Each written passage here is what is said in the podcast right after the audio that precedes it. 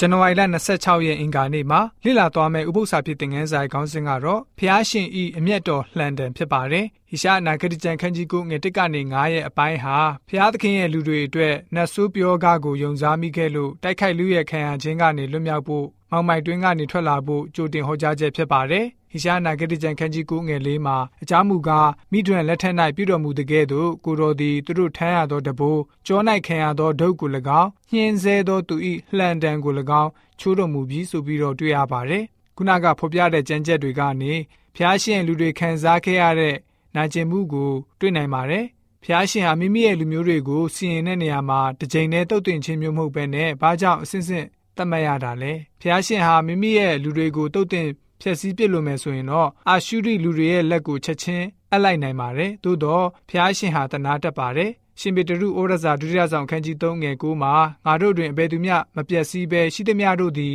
နောင်တရစေခြင်းကအလိုတော်ရှိ၍ငါတို့ကိုတီးခံတော်မူ၏ဆိုပြီးတော့တွေ့ရပါတယ်။တရားသူကြီးတွေခင်မှာယူဒအမျိုးနဲ့ဣတေလအမျိုးတွေဟာဖျားရှင်ဟာမိမိတို့လွတ်လူသမျှကိုအခွင့်ပေးတော်မူပြီးတော့မိမိတို့လုပ်ရအပေါ်အကောင်းဆုံးကိုပြန်လဲရွေးချယ်တက်စေဖို့သဘောပေါက်ဖို့အခွင့်ပေးတော်မူခဲ့ပါတယ်။မကောင်းမှုကိုပြုပြီးတော့စိတ်နှလုံးကိုမာကျောစေတဲ့အခါမျိုးမှာဖျားရှင်ဟာ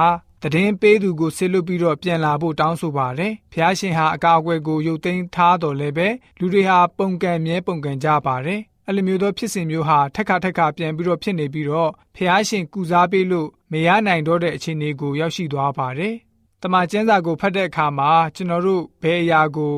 မြင်ရတယ်လဲလွတ်လပ်စွာဆန္ဒအလျောက်ရွေးချယ်နိုင်ခြင်းအကြောင်းကိုတွေ့ရပါတယ်။ဖျားရှင်ဟာလူကိုလွတ်လပ်စွာဖန်ဆင်းထားပါတယ်။ဖျားရှင်ကိုမချစ်နိုင်ဘူးဆိုရင်လည်းပဲခွင့်ပြုပေးထားပါတယ်။အပြစ်ကိုလုံနိုင်တဲ့လွတ်လပ်ခွင့်ကိုလည်းပဲပေးထားပါတယ်။နောက်ပိုင်းမှာဖျားရှင်ဟာသူ့ရဲ့မေတ္တာတော်သူ့ရဲ့ဇရိတတော်အကြောင်းကိုဖော်ပြပေးပါတယ်။ ကျွန်တော်တို့ပြုတဲ့အမှားအတွက်အကျိုးရလက်ကိုလည်းပဲဖျားရှင်ကပဲအခွင့်ပေးပြန်ပါတယ်။နာကျင်မှုဒုက္ခဆင်းရဲကြောင်ရွံ့စိတ်ကတောင်းကနင်းဖြစ်ရတဲ့အရာတွေကိုကြုံတွေ့ခွင့်ပေးခဲ့ပါတယ်။ကျွန်တော်တို့ရင်ဆိုင်ခဲ့ရတဲ့အခက်အခဲဟုသမျှဟာ